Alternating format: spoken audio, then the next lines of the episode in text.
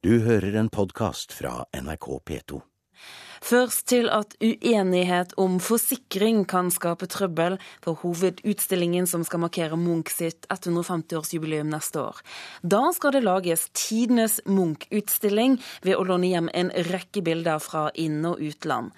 Men sentrale bilder kan bli stående igjen i Bergen dersom staten ikke stiller med forsikringsgaranti. Her henger det mange av Munchs helt tidlige maleriske forsøk.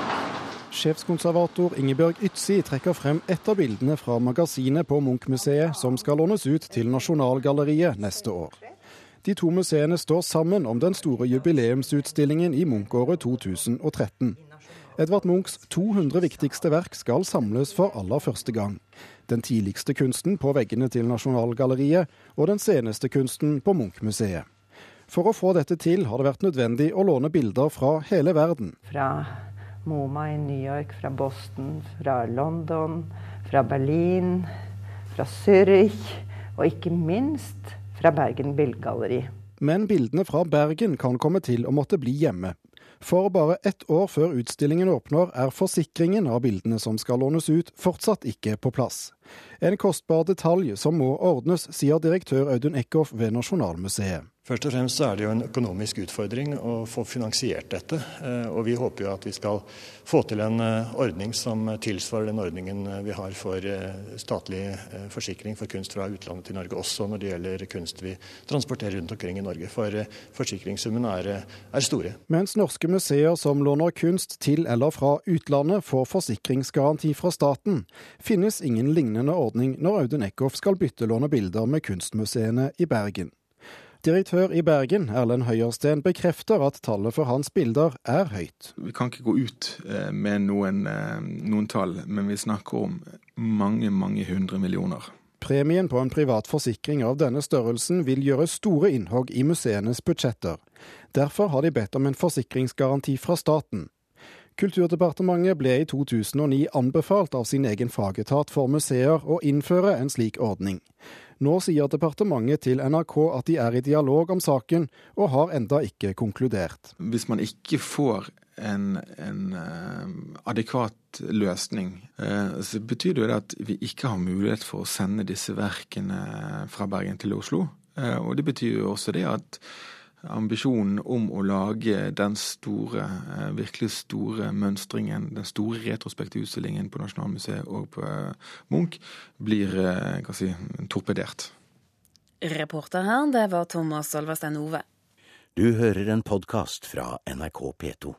Karl Ove Knausgård lanseres i USA. Forfatteren tar nå med seg boken Min kamp 1, eller My Struggle som den skal hete, og legger ut på en større lanseringsturné. Knausgård skal reklamere for bøkene sine i bl.a. New York, San Francisco og Los Angeles. Det skriver Dagens Næringsliv. Min kamp er solgt for utgivelse på 17 språk og er allerede på markedet i bl.a. Tyskland, Italia, Nederland og Aserbajdsjan.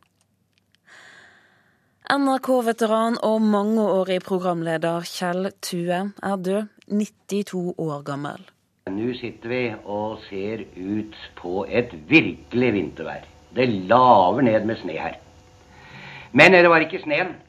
Jeg har truffet en herre som vi vel kan si ikke bare er kjent i Brumunddal Her hører vi ham i et opptak fra 1970. 1983. Han var en grunnlegger for to av de mest populære radioprogrammene i NRK, nemlig Reiseradioen og Nitimen. Det er to veldig tydelige radioformat som fremdeles eksisterer. Kjell Tue var en pioner på å lage radio for å glede og underholde. Det sier underholdningssjef i NRK, Charlo Halvorsen, til Dagbladet i dag. Den norske kortfilmen 'Tuba Atlantic' er en av de heteste favorittene før søndagens Oscar-utdeling. Det skriver Aftenposten. Avisen LA Weekly og mediebyrået Reuters er blant flere som har tro på seier til Norge i kortfilmklassen. LA Weekly sin anmelder skriver at i en middels kategori så går topphonøren lett til Tuba Atlantic, og beskriver filmen som en skrudd komedie som berører død og forsoning på uventede måter. Du hører en podkast fra NRK P2. Salmestriden i Grimstad er over. Kommunepolitikerne skal fortsatt synge fedrelandssalmen før møtene. Det vedtok et enstemmig kommunestyre i går kveld, og politikerne er glad for at salmedebatten er over. Signe vår dyre fedreland,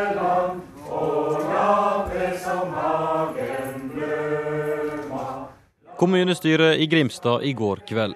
Ordfører Hans Antonsen trekker seg tilbake, og på gangen står flere politikere til sangen er over.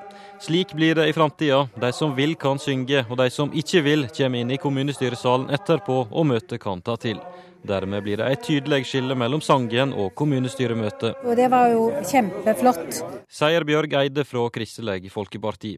Det var KrF sitt forslag som enstemmig ble vedtatt. Jeg syns at en sånn en sak som har vakt såpass mye oppsikt som den har, så er det godt for alle partier og for alle politikere i denne sal at denne saken nå gikk enstemmig gjennom. Det syns jeg var kjempeflott. Og det er jo eh, et kvalitetsstempel, syns jeg, på denne gruppa her, at vi kan samle oss sånn som vi har gjort gjort. Kan vi gjøre det sånn at vi ber de som er uenig i KrFs forslag, eh, om å reise seg, og at de andre slutter seg til det. Og det stemmes. Da har det fått enstemmig oppslutning. Da er vi ferdig med den saken. Jeg syns kommunestyret fatta et uh, godt vedtak. Sier Grimstad-ordfører Hans Antonsen. Nå er det veldig tydelig at uh, den tradisjonen som et stort flertall ønsker å holde levende. Den er ikke en del av det formelle møtet. Nå er det veldig klart at kommunestyremøtet begynner etter at forsamlinga, de som vil, har sunget første vers av Fedrelandssalmen. Da er jeg fornøyd, for da har vi fått uh, tydelighet der det før var utydelighet. Du uh, gikk ned fra tronen holdt jeg på å si, før dagens møte. Hvorfor gjorde du det?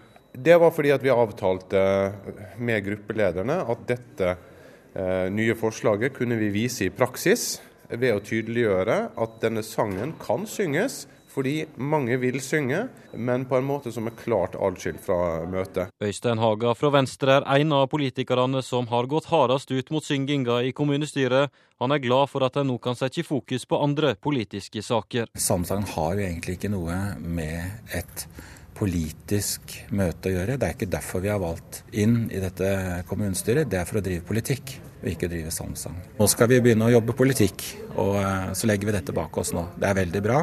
Og det at det ble et enstemmig vedtak her i kommunestyret, det hadde jeg aldri trodd, men det var kjempebra.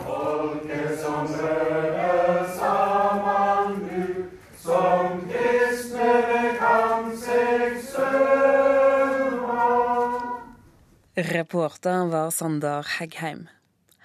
En hard kamp om slags, hvilke fakultet som skal ligge hvor, men truer nå hele prosjektet om et universitet i Innlandet.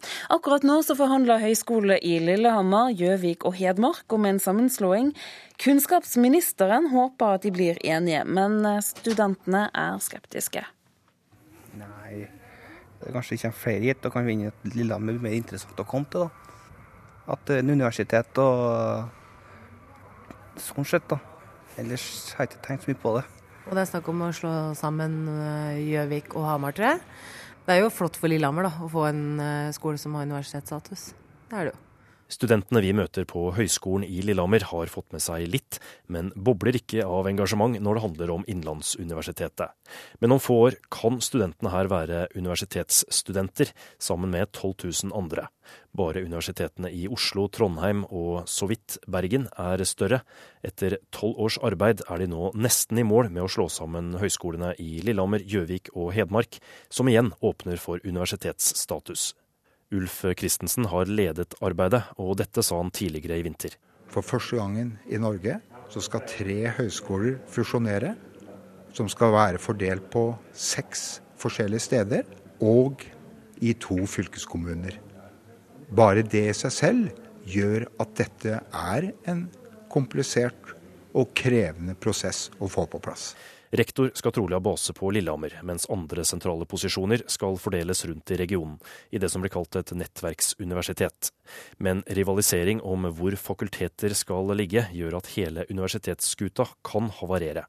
Særlig er det spørsmål om hvor helsefagene skal styres fra. Her har ikke Høgskolen i Hedmark og de to høyskolene i Oppland klart å bli enige. Sentrale kilder sier det er reell fare for at dette kan velte alt. Det er avgjørende møter både onsdag denne uka og tirsdag neste uke, og før påske må partene uansett være enige. Den største utfordringen har vel ikke vært eh, knyttet opp til eh, rektorat og administrasjon. Den har nok i større grad vært knyttet opp til hvordan vi eh, organiserer fakultet og institutter. Kunnskapsminister Tora Aasland følger utviklingen, og mener partene nå må komme til et kompromiss. Jeg håper jo absolutt at vi klarer å komme fram til en enighet. Det vil norsk høyere utdanning være tjent med. Alle har alt å tjene på at de, at de inngår det tettere samarbeidet som man nå har holdt på med å diskutere i ganske mange år. Så jeg håper virkelig at de klarer å komme i mål. Diskusjonen om det nå er eh, nok utdanningsinstitusjoner med universitetsstatus i Norge, har gått lenge. Tora Aasland får eh, saken på bordet dersom de tre høyskolene blir enige, og dersom det faglige organet NOKUT går god for det faglige innholdet. Og da sier hun trolig ja. Det skal jo mye til at jeg ikke følger et faglig råd fra NOKUT hvis de mener at eh, disse tre har kvalifisert seg.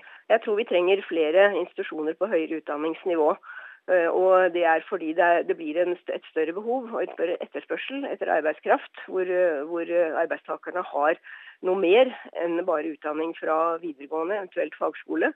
Det, det, er en utvikling som vi ser veldig tydelig. Vi kaller det for utdanningsbølgen. Og det som er viktig da, det er at vi klarer å møte den utviklingen. Reporter her var Erlend Moe.